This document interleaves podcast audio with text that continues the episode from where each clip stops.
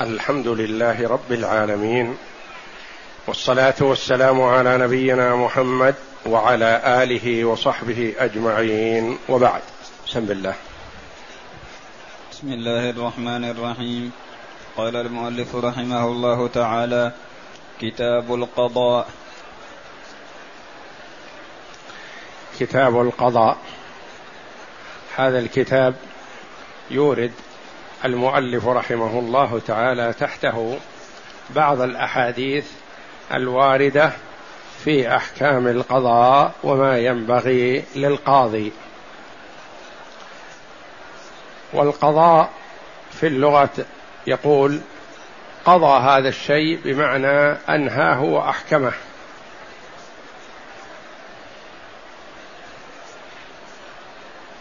يعني إحكام الشيء والانتهاء منه أو الفراغ منه. كما قال الله جل وعلا فقضاهن سبع سماوات في يومين.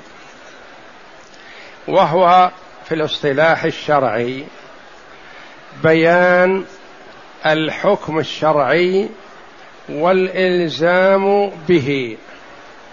بيان الحكم الشرعي والإلزام به وفض الخصومات. يعني إنهاء الخصومات بين المتخاصمين. بخلاف الإفتاء فالإفتاء هو بيان الحكم الشرعي بدون إلزام. يقول هذا الحكم الشرعي. وأما القاضي فهو يبين الحكم الشرعي ويلزم به. وهو مشروع في الكتاب والسنة والإجماع والقياس.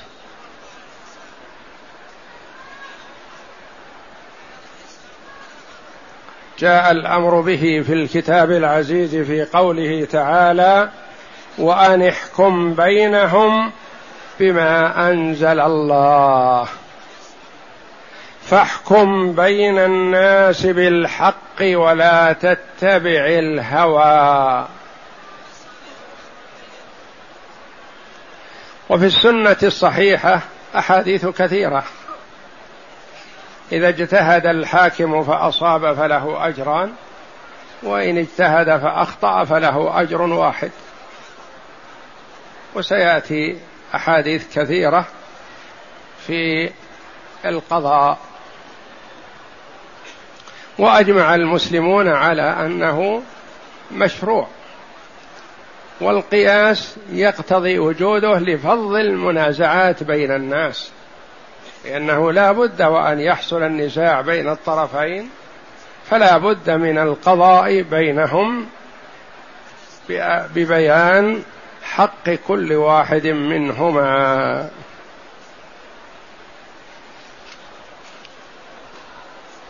أقرأ الحديث الحديث السابع والستون بعد الثلاثمائة. عن عائشة رضي الله عنها قالت قال رسول الله صلى الله عليه وسلم من أحدث في أمرنا هذا ما ليس منه فهو رد. وفي لفظ من عمل عملا ليس عليه أمرنا فهو رد. قول عائشة رضي الله عنها عن النبي صلى الله عليه وسلم قال من أحدث في أمرنا هذا ما ليس منه فهو رد. أي حدث أو أي عمل لا أصل له في سنة رسول الله صلى الله عليه وسلم ولا في شرعه فهو مردود على صاحبه. وفي هذا وهذا الحديث حديث عظيم.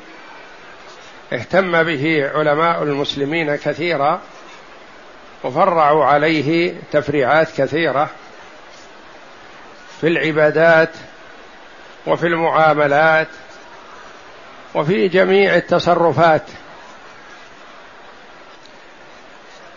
في العبادات من تعبد الله جل وعلا بغير ما شرعه محمد صلى الله عليه وسلم فعبادته باطلة فعمله مردود عليه لا قيمة له. وكذلك في المعاملات إذا تعامل الرجلان بمعاملة غير مأذون بها شرعا فهي باطلة. حصل البيع ما ينتقل الملك إلى المشتري ولا يستحق البائع الثمن. ما دام أن البيع باطل فالمبيع ملك للبائع لا يزال ولا ينتقل إلى المشتري. والثمن ملك للمشتري ولم ينتقل إلى البائع. ما يصح أن يأخذه لأنه ليس له.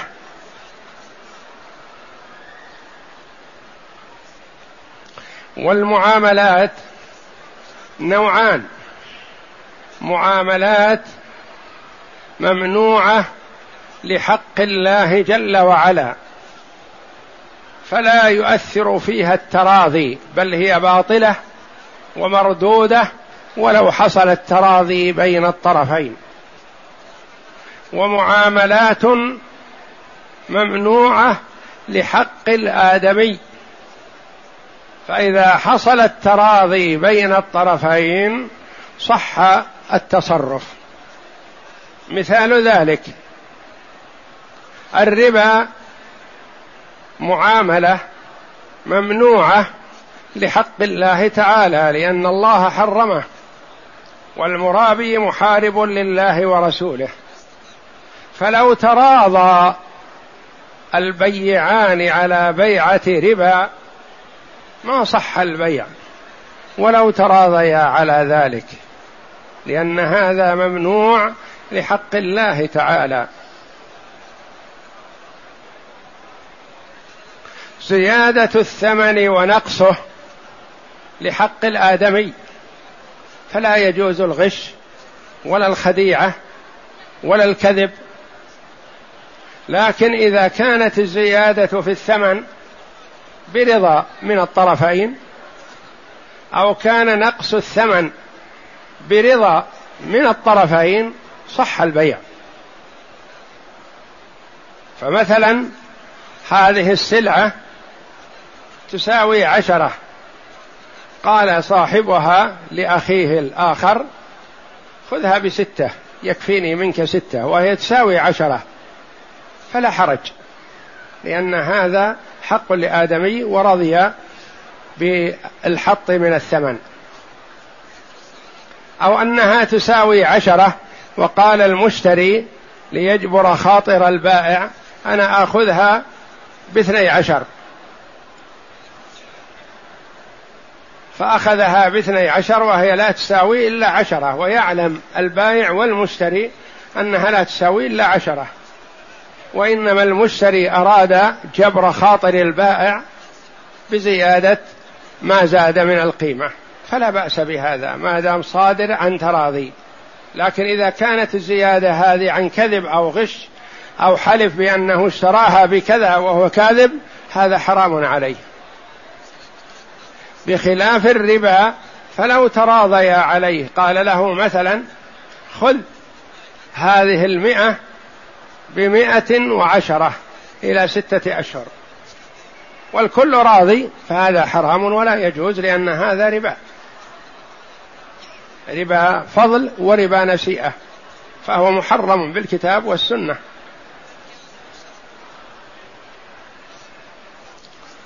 من أحدث في أمرنا هذا ما ليس منه فهو رد.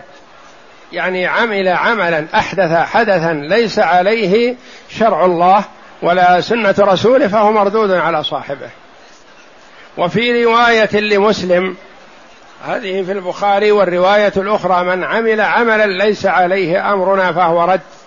هذه جاءت زيادة إيضاح لأنه قد يقول المعاند مثلا أنا ما أحدثت وإنما اتبعت من مضى. المحدث غيري وأنا اتبعته. فيرد عليه بقوله صلى الله عليه وسلم من عمل عملا ليس عليه أمرنا فهو رد. سواء كان حدث من المرء نفسه أو تبع من سلفه من المحدثة من المبتدعة فعمله مردود عليه. اقرأ القضاء بالمد. القضاء بالمد لغة إحكام الأمر والفراغ منه. قال تعالى فقضاهن سبع سماوات في يومين يعني أحكمهن وفرغ منهن. يعني أحكمهن وفرغ من خلقهن في يومين. نعم. وفي الشرع تبيين الحكم الشرعي والإلزام به وفصل الخصومات. تبيين الحكم الشرعي تبيين الحكم الشرعي والإلزام به. القاضي يبين الحكم ويلزم. بخلاف المفتي فالمفتي يبين الحكم ولا يلزم. نعم. وفصل الخصومات يعني إنهاء الخصومة بين الطرفين. نعم. والأصل في القضاء ومشروعيته الكتاب والسنة والإجماع والقياس. الكتاب المراد به القرآن العزيز. نعم. فأما الكتاب فمثل قوله تعالى فاحكم بين الناس بالحق ولا تتبع الهوى وقوله وأن احكم بينهم بما أنزل الله وغيرهما. فالآيات كثيرة في الحكم. نعم. وأما السنة فكثيرة ومنها ما جاء في الصحيحين عن عم عن عمرو بن العاص رضي الله عنه عن النبي صلى الله عليه وسلم أنه قال إذا اجتهد الحاكم فأصاب فله أجران وإذا اجتهد فأخطأ فله أجر. ويؤخذ من هذا فضل العمل بالقضاء مع الاجتهاد وكون المرء صالحا له فحتى مع الخطأ له أجر إذا اجتهد. إذا اجتهد فأصاب فله أجران. أجر على اجتهاده وأجر على صوابه. وإذا اجتهد فأخطأ ما أصاب. أخطأ فله أجر واحد. وهذا دليل على فضيلة القضاء وعظم أجره حيث حصل له الأجر مع الخطأ. نعم. وأجمع المسلمون على مشروعيته ويقتضيه القياس فلا تستقيم الأحوال إلا به وهو فرض كفاية. وهو فرض كفاية يعني إذا قام به من يكفي سقط الإثم عن الباقين. وإذا عطل القضاء ولم يقم به أحد أثم كل من كان قادرا على ذلك. قال في المغني وفيه فضل عظيم لمن قوي على القيام على القيام به يعني لمن ظن من نفسه وأمل من نفسه القدرة على القيام به فله أجر عظيم في القيام به. نعم. وفيه فضل عظيم لمن قوي على القيام به وأداء الحق فيه ولذلك جعل الله فيه أجرا مع الخطأ وأسقط عنه حكم الخطأ. ولأن فيه أمرا بالمعروف ونصرة للمظلوم وأداء الحق إلى مستحقه وردعا للظالم عن ظلمه وإصلاحا بين الناس وتخليصا لبعضهم من بعض وذلك من أبواب القرب. يعني مما يتقرب إلى الله جل وعلا به. نعم. ولذلك تولاه النبي صلى الله عليه وسلم والأنبياء قبله عليهم الصلاة والسلام فكانوا يحكمون لأممهم. ولولا أنه فاضل وعمل جليل ما قام به النبي صلى الله عليه وسلم. نعم. وبعث صلى الله عليه وسلم عليا رضي الله عنه إلى اليمن قاضيا. وبعث صلى الله عليه وسلم معاذا رضي الله عنه قاضيا. فهو عليه الصلاة والسلام هو الحاكم وهو القاضي في المدينة بين الناس. وفي المناطق البعيدة كان يرسل الولاة والقضاة عليه الصلاة والسلام. فبعث علي رضي الله عنه قاضيا إلى اليمن ثم بعث معاذ رضي الله عنه قاضيا إلى اليمن. نعم. وقد روي عن ابن مسعود رضي الله عنه أنه قال لأن أجلس قاضيا بين اثنين أحب إلي من عبادة سبعين سنة وفيه خطر عظيم ووزر كبير لمن لم يؤدي الحق فيه. فيه خطر عظيم لمن لم يؤدي الحق أو دخل فيه على غير علم ومعرفة أو حاد عن الصواب. وقد جاء من ولي القضاء فقد ذبح بغير سكين. نعم. ولذلك كان السلف رحمة الله عليهم يمتنعون منه أشد الامتناع ويخشون على أنفسهم خطره. يخافون على أنفسهم فكانوا يعبون ومنهم من حبس وضرب لتولي القضاء فيمتنع. ومنهم من يرغم عليه فلا يقبله. تورعا أما حكمته التشريعية فيكفيك منها ما ذكره صاحب المغني رحمه الله. الذي تقدم في قوله رحمه الله وفيه فضل عظيم لمن قوي على القيام به وأداء الحق فيه ولذلك جعل الله فيه أجرا مع الخطأ إلى آخر كلامه. نعم. ولا يمكن حصر ما فيه من, حك من حكم وأسرار. وقال الإمام أحمد رحمه الله لا بد للناس من حاكم. أتذهب حقوق أتذهب حقوق الناس؟ أتذهب يعني لا بد الناس. يقول لا بد للناس من حاكم وهو رحمه الله رفض القضاء. ومن استشاره يشير عليه برفض القضاء رحمه الله. ويقول لا بد للناس من حاكم. يعني لا بد أن يقوم أحد. فلو لم يقم أحد لآثم كل من كان صالح. وإذا حصل للمرء السلامة في نفسه فذلك خير له. نعم. ولولا القضاء وفصل الخصومات ورد المظالم وتبيين الحق لصارت الحياة فوضى فيكفي أنه ضرورة من ضرورات الحياة.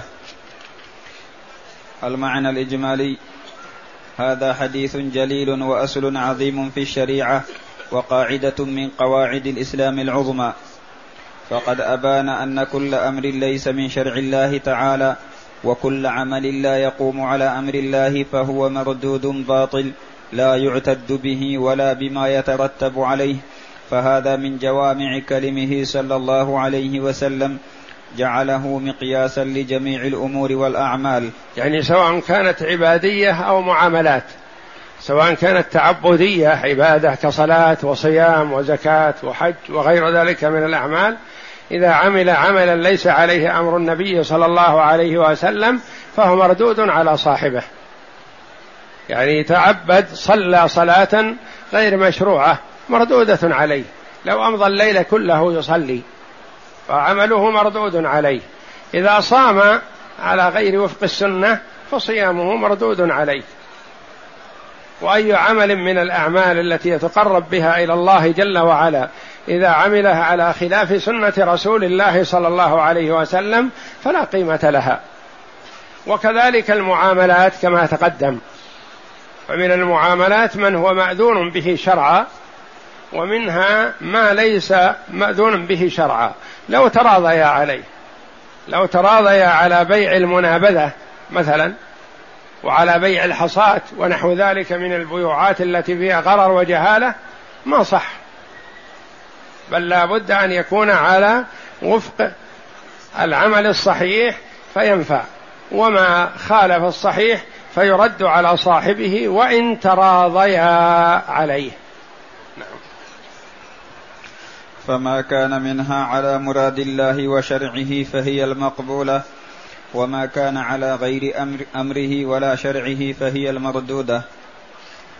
ما يستفاد من الحديث اولا قال النووي رحمه الله وهذا الحديث قاعدة عظيمة من قواعد الإسلام ومن جوامع كلمه صلى الله عليه وسلم.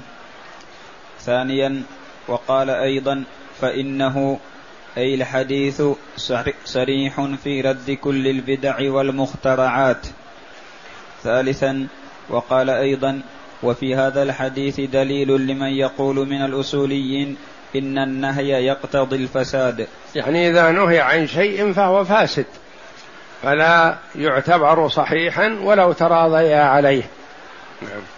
وقال أيضا وهذا الحديث ينبغي حفظه واستعماله في إبطال المنكرات وإشاعة الاستدلال به.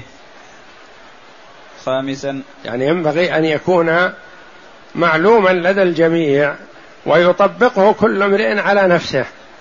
قول النبي صلى الله عليه وسلم من أحدث في أمرنا هذا ما ليس منه فهو رد. أي بدعة توجد ترد عليها بهذا الحديث. تقول من أحدث في أمرنا هذا ما ليس منه فهو رد وعملك هذا بدعة فهو مردود عليك.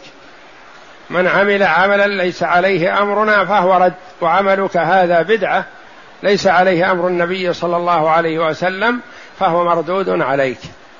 نعم.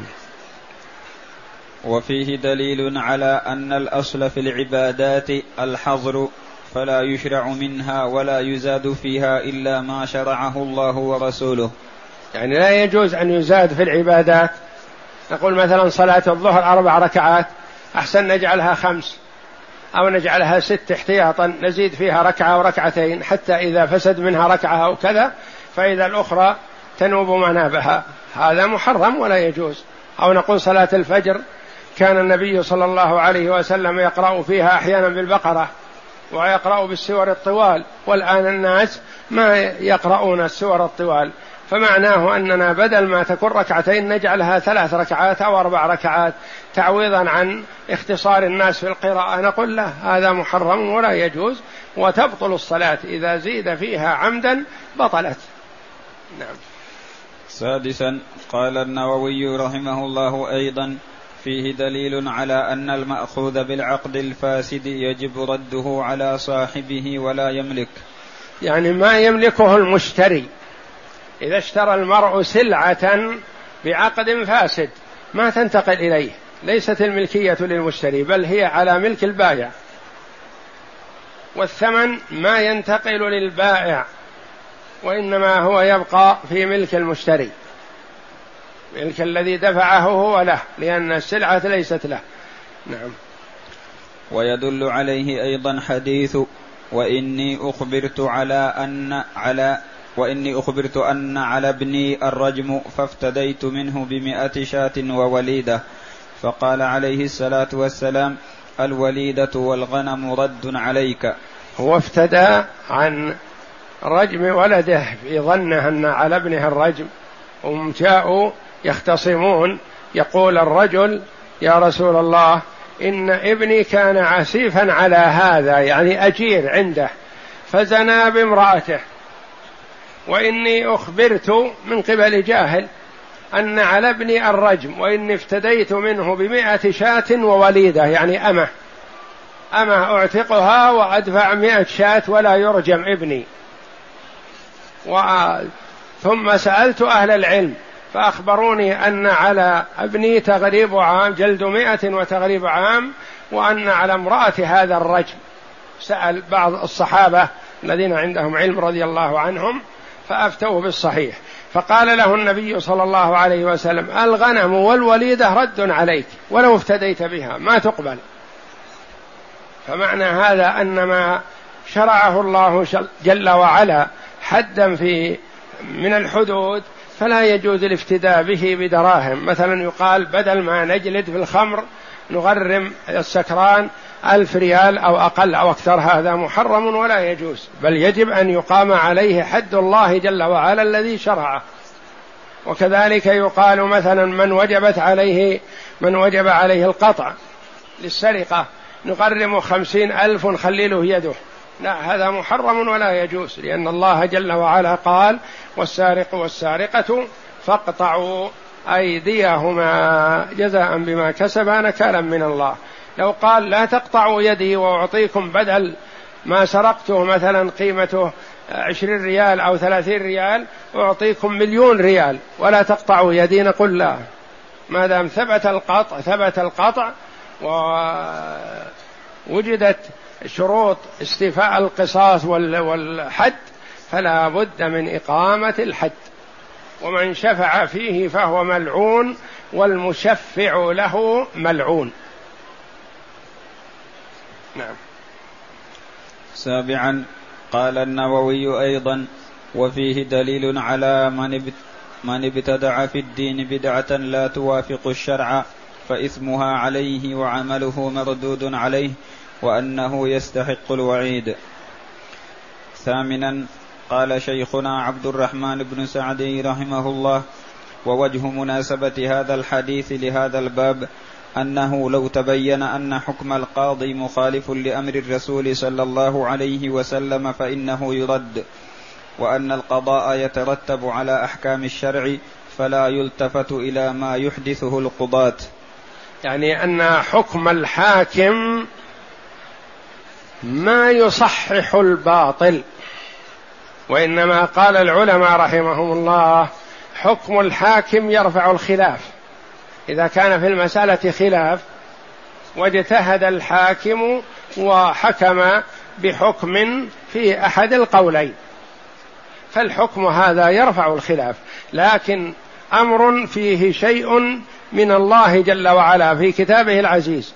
أو من محمد صلى الله عليه وسلم في سنته الصحيحة ثم حكم القاضي بخلاف ذلك فلا يقبل حكم القاضي بل يرد عليه وهو آثم بحكمه هذا وحكمه غير مقبول ولا ينفذ ولا ينقل الشيء من مالكه الحقيقي. نعم. تاسعا قال الصنعاني رحمه الله يفيد أن كل عمل ليس عليه أمره مردود والذي عليه هو كل ما دل عليه الكتاب والسنة وليس محدثا مبدعا في الدين فإنه مردود على فاعله وكل أمر كان عليه أمره صلى الله عليه وسلم فإنه مقبول. يعني هذا له مفهوم وله منطوق. منطوقه أي عمل محدث فهو مردود على صاحبه. ومفهومه أن أي عمل على وفق سنة رسول الله صلى الله عليه وسلم فهو مقبول. قال فإن هذا الحديث نصف العلم بل العلم كله إذ منطوقه دال على رد كل عمل لم يكن عليه أمره صلى الله عليه وسلم ومفهومه أفاد أن كل عمل كان عليه أمره صلى الله عليه وسلم مقبول. قال شيخ الإسلام رحمه الله تعالى دعاوى التهم مثل القتل أو قطع الطريق أو السرقة والعدوان على الخلق بالضرب وغيره تنقسم إلى ثلاثة أقسام. يعني المتهم لا يخلو من حال من ثلاثة أحوال فالمتهمون ليسوا على حد سواء. من المتهمين من يسوغ تعزيره ومن المتهمين من لا يسوغ تعزيره ومن المتهمين من لا يعزر ولا يطلق سراحه بل يراقب حتى ينكشف أمره. فليس كل متهم هذا الاتهام يبيح التعزير والضرب والحبس وغير ذلك لا. الناس ليسوا على حد سواء.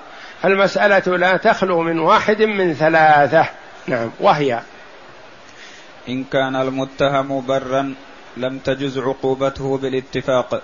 إذا كان المتهم مثلا ما عرف عنه الفسق والفجور والتعدي وإنما ممكن أن واحد تجرى عليه ونسب إليه ما لم يحصل منه. فهذا لا يجوز أن يؤذى ولا يتعرض له بسوء إلا إن ظهر منه شيء. نعم. ثانيا أن يكون مجهول الحال لا يعرف ببر أو فجور فهذا يحبس حتى تنكشف حاله عند عامة علماء الإسلام. والحبس ليس هو السجن وإنما هو تعويق الشخص ومنعه من التصرف بنفسه سواء في بيت أو بتوكيل نفس الخصم عليه. شخص مجهول. نسب إليه شيء غير مناسب وغير لائق ويستحق العقوبة عليه. نسب إليه ونحن لا نعلم أهو صدر من هذا أم لم يصدر. ولا يشهد له ببر صلاح واستقامة ولا يشهد له بفجور وفسق. هذا يراقب مراقبة فقط وينظر. ويقال له مثلا لا تسافر إلزم كذا. إلزم البيت إلزم لا تتجاوز المسجد ونحو ذلك ويراقب. ولا يجوز أن يتعرض له بسوء وهو لم يثبت عليه شيء.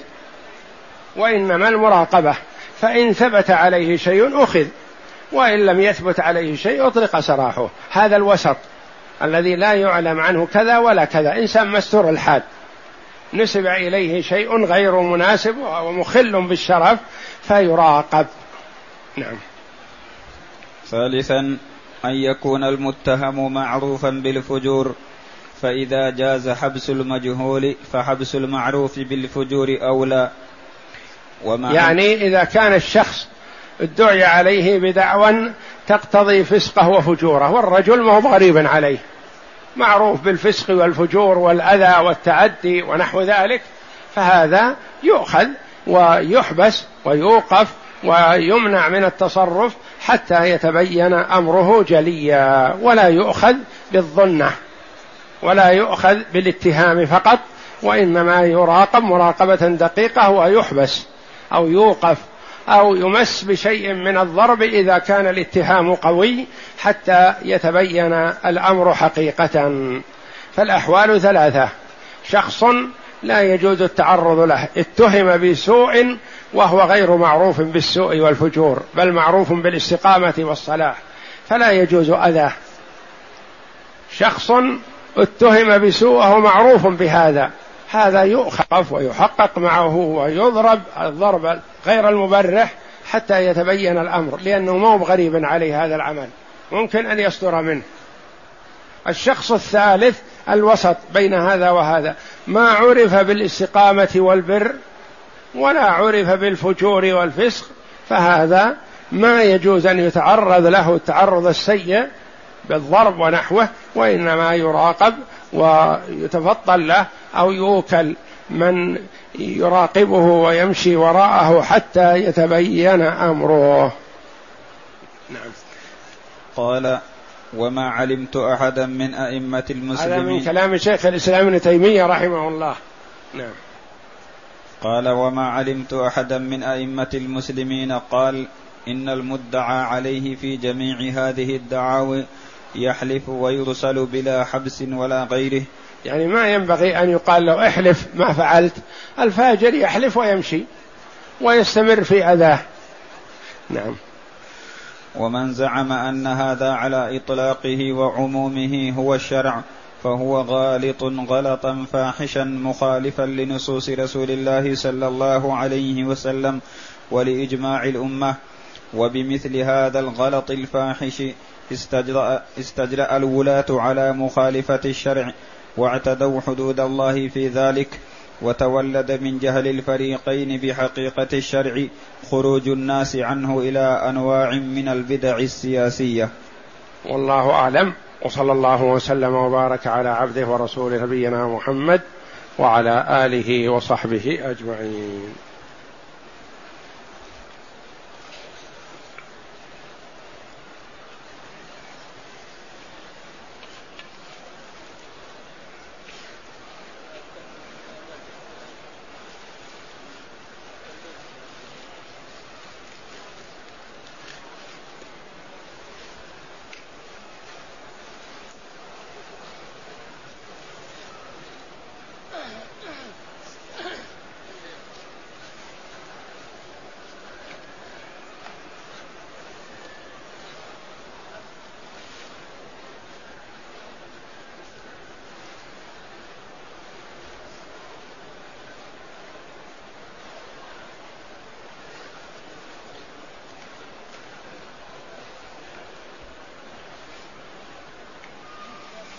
يقول السائل إذا أحرمت ومعي طفل عمره أربعة شهور أحرمت له معي فهل أنا حامله في الطواف يكون طوافه معي أم لا بد من الطواف مرة لي ومرة للطفل؟ إذا كان الحامل والمحمول محرمان والحامل نوى الطواف عن المحمول والمحمول نوى عن نفسه أو لم ينوي شيئا لأنه ليس محلا للنيه كالصغير فإن الطواف حينئذ يكون للمحمول وحده لأن الحامل نوى له الطواف ولا يجتمع الطواف لاثنين فيكون الطواف للمحمول نفسه. فعلى من يحمل الطفل أو الشيخ الكبير ونحوه أن يتبطن لهذا فيطوف لنفسه اولا ثم يطوف مع من يحمله.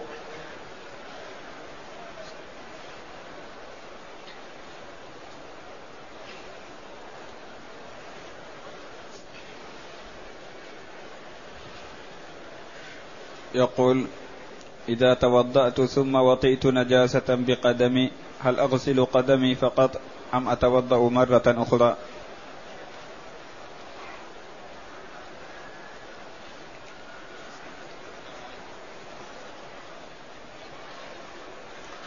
يقول إذا وطئ نجاسة بعد وضوعه فهل يعيد الوضوء أو يغسل قدمه؟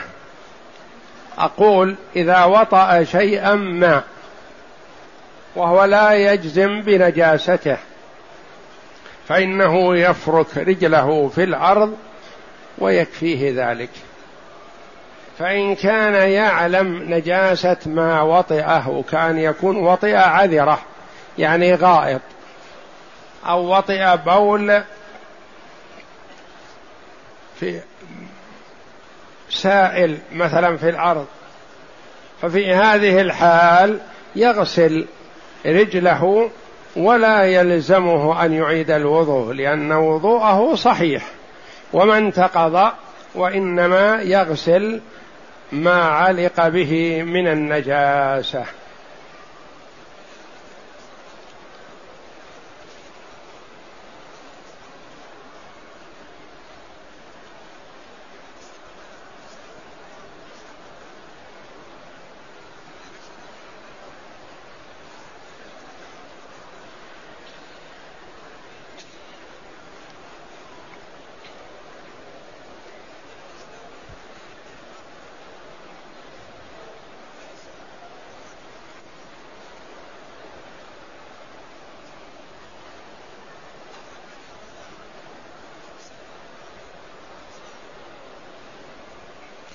يقول امرأة أحرمت وأدت مناسك العمرة وبعد الطواف والسعي وقست من رأسها وحلت من إحرامها وعندما ذهبت تريد الوضوء وجدت مقدمات الدورة.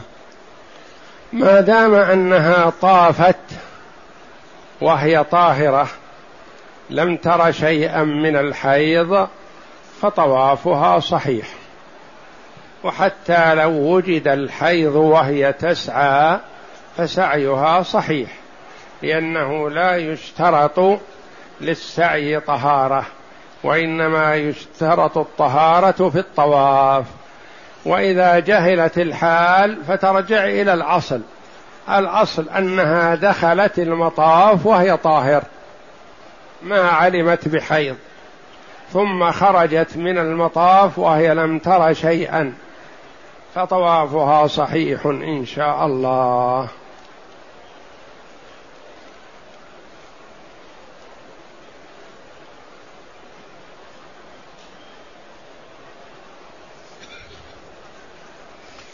يقول هل يجوز السلام بالمصافحة على الإمام بعد الصلاة مباشرة؟ المسلم مأمور بعد الصلاة صلاه الفريضة بالاستغفار والتسبيح والتهليل الوارد عن النبي صلى الله عليه وسلم. فلا يجوز للمرء أن يشغل نفسه أو يشغل الآخرين عما هو من سنة رسول الله صلى الله عليه وسلم.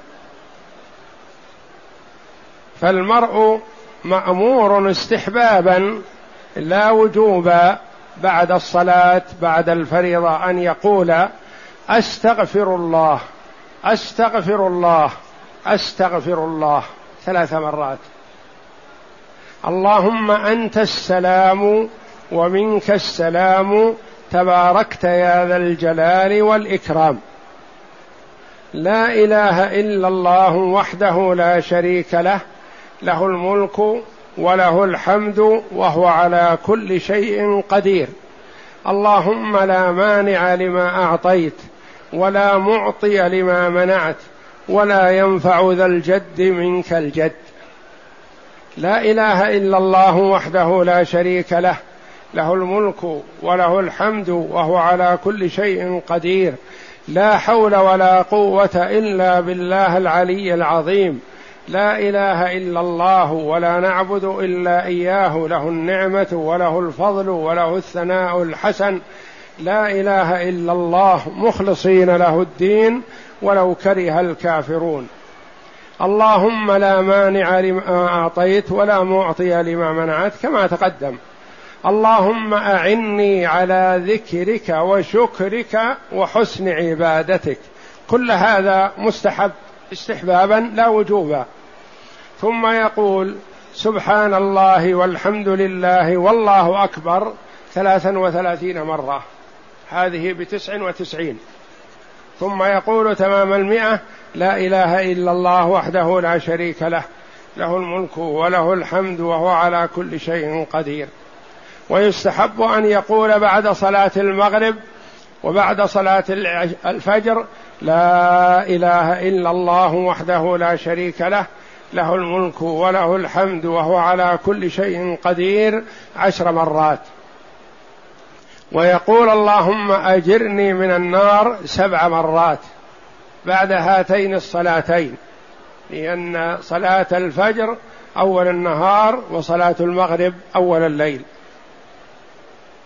ويستحب أن يقرأ بعد كل فريضة آية الكرسي. الله لا إله إلا هو الحي القيوم لا تأخذه سنة ولا نوم. له ما في السماوات وما في الأرض من ذا الذي يشفع عنده إلا بإذنه؟ يعلم ما بين أيديهم وما خلفهم ولا يحيطون بشيء من علمه إلا بما شاء. وسع كرسيه السماوات والأرض ولا يئوده حفظهما وهو العلي العظيم. بعد كل صلاة استحبابا لا وجوبا ويقرأ سورة الإخلاص قل هو الله أحد. والمعوذتين قل أعوذ برب الفلق وقل أعوذ برب الناس بعد كل فريضة مرة. وبعد المغرب وبعد الفجر يكرر السور الثلاث ثلاث مرات. قل هو الله أحد وقل أعوذ برب الفلق وقل أعوذ برب الناس. يستحب تكرارها ثلاث مرات لأول النهار وأول الليل. فيستحب للمسلم أن يواظب على هذا الذكر. وأن لا ينشغل عنه بشيء لا بسلام ولا بغيره. وإن ابتلي بمن يسلم عليه رد السلام واستمر في هذا الذكر يحافظ عليه. ولا ينبغي للمرء أن يشغل جاره بالسلام عليه وهو يرى أنه مشغول بهذا الذكر الوارد عن النبي صلى الله عليه وسلم.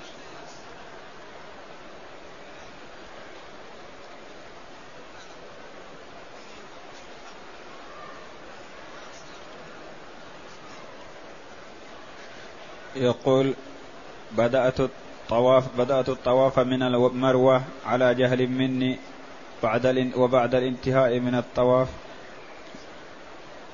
فما الحكم في ذلك؟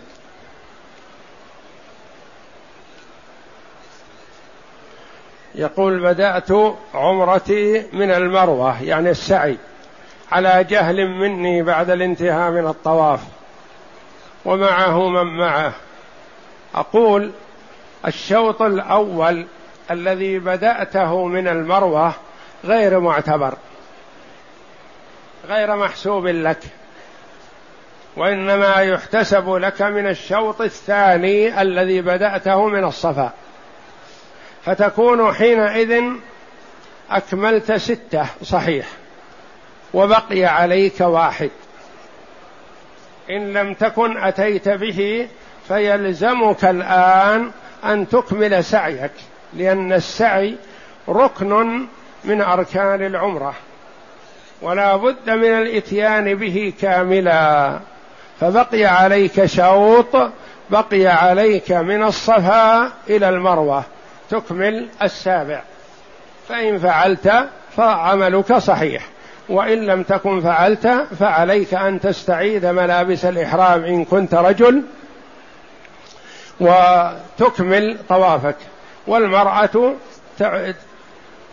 تأتي بالشوط الباقي عليها بملابسها التي عليها لأن المرأة أي لباس تلبسه يكفي.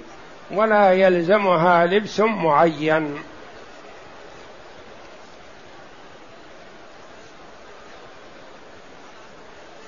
يقول إذا اجتهد الحاكم ولم يحكم بما أنزل الله هل يؤجر على ذلك؟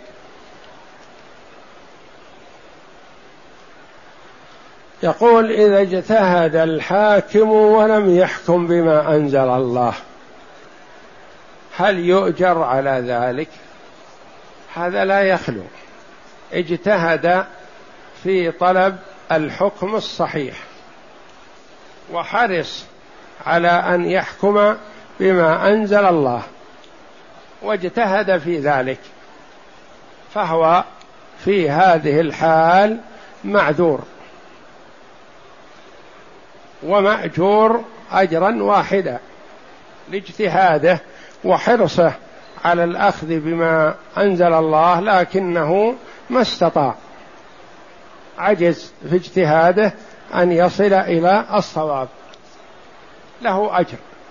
أما إذا اجتهد أن يحكم بما أنزل الله وترك ذلك يعرف أنه تارك لما أنزل الله. هو حريص على أن يحكم لكنه تركه إما قصدا وإما لإرغام ونحوه فهو آثم وليس بمأجور. لأن المأجور هو الذي يحرص على أن يحكم بما أنزل الله. رفعت له قضية بين طرفين فاجتهد ما في وسعه التماس الصحيح لكن أحدهما كان ألحن واقوى بحجته من الآخر فظن أنه صادق فحكم له بشيء ليس له في الحقيقة. فهذا مأجور لأنه حرص على الحكم بما أنزل الله لكن ما استطاع أن يصل إليه. إما لكون أحد الخصمين ألحن بالحجة أو لكون الحاكم ما ظهر له الصواب وظن أن ما حكم به هو الصواب فإنه مأجور في هذه الحال لقول النبي صلى الله عليه وسلم إنما أنا بشر وإنكم تختصمون إلي ولعل بعضكم يكون ألحن بحجته من بعض فمن قضيت له بحق أخيه فلا يأخذه فإنما هي قطعة من نار فليأخذها أو ليدعها. وهذا هو الرسول عليه الصلاة والسلام وهو الذي ينزل عليه الوحي من السماء. يقول لعل بعضكم يكون ألحن بحجته من بعض يعني أقوى حجة فأحسب أنه صادق. فمن قضيت له بحق أخيه فلا يأخذه. فإنما هي قطعة من نار فليأخذها أو ليدعها. يعني معنى هذا أن حكم الحاكم لا يحلل الحرام. يبقى الحرام على ما كان عليه لكن حكم الحاكم يفض النزاع وينهي الخصومة. والحكم العدل الذي لا تخفى عليه خافية الله جل وعلا. فإذا كان الرجل يعرف أنه أخذ شيئا ليس له وإنما يقول أخذته بحكم الحاكم. فالويل له حينئذ لأنه أخذ قطعة من نار. ما أخذ شيئا يحل له.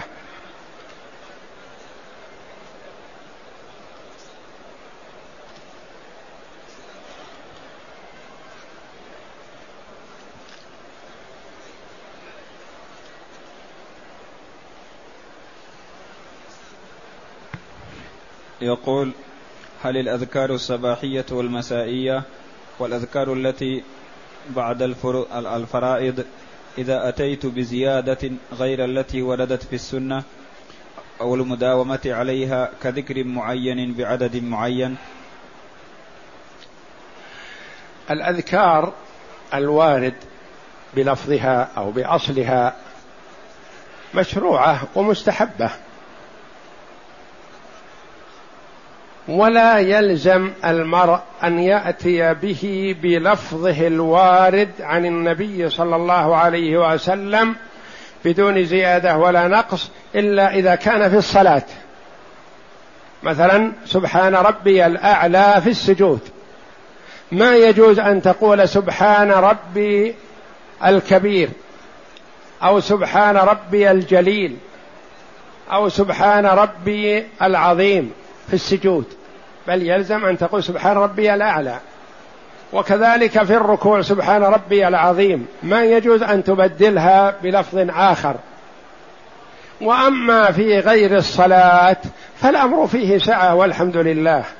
إذا لم تخرج عن الصواب فأنت مأجور بالذكر. تقول سبحان ربي العظيم سبحان ربي الجليل سبحان ربي الملك القدوس سبحان العزيز الحميد سبحان الملك المطلع الذي لا تخفى عليه خافية وهكذا فلا بأس عليك. وإذا حرصت على اللفظ الوارد عن النبي صلى الله عليه وسلم فهو أولى وأكمل وأطيب. والزيادة من من نوع الذكر لا بأس بها بل مستحبة. لقوله صلى الله عليه وسلم من قال في كل يوم لا إله إلا الله وحده لا شريك له له الملك وله الحمد وهو على كل شيء قدير في يوم مائة مرة. كانت بعدل عشر رقاب. وكتبت له مائة حسنة. ومحيت عنه مائة سيئة.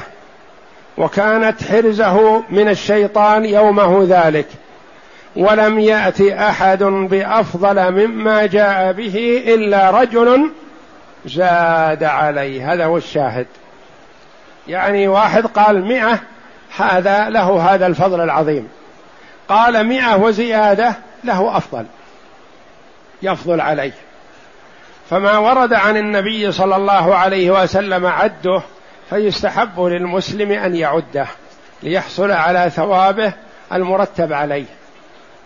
وما لم يرد عن النبي صلى الله عليه وسلم عده فيحسن للمرء أن يكثر منه والله جل وعلا يحصيه له. فقد خرج عبد الله بن مسعود رضي الله عنه على قوم معهم واحد يقول لهم سبحوا عشر كبروا عشر هللوا عشر ثم يريد يعود عليهم ثم يكرر لهم كذا. فأخبرهم عبد الله بن مسعود رضي الله عنه أنهم بهذا العمل مبتدعة. وقال لهم أحصوا سيئاتكم وأنا ضامن الا يضيع من حسناتكم شيء. لا تحد. ما ورد عن النبي صلى الله عليه وسلم عده أدبار الصلوات وقول سبحان الله وبحمده في يوم مئة مرة وقول لا إله إلا الله وحده لا شريك له له الملك وله الحمد وهو على كل شيء قدير في اليوم مئة مرة. هذا عده. وأحصه محتسبا ثوابه عند الله جل وعلا. وما لم يرد عن النبي صلى الله عليه وسلم عده لا تقل سبحت خمسمائة سبحت ألف سبحت كذا لا. سبح ولا يزال لسانك رطبا من ذكر الله واذكر الله كثيرا ولا تحصه فالله جل وعلا يحصيه لك ولن يضيع لك منه شيء. والله أعلم. وصلى الله وسلم وبارك على عبد ورسول نبينا محمد وعلى آله وصحبه أجمعين.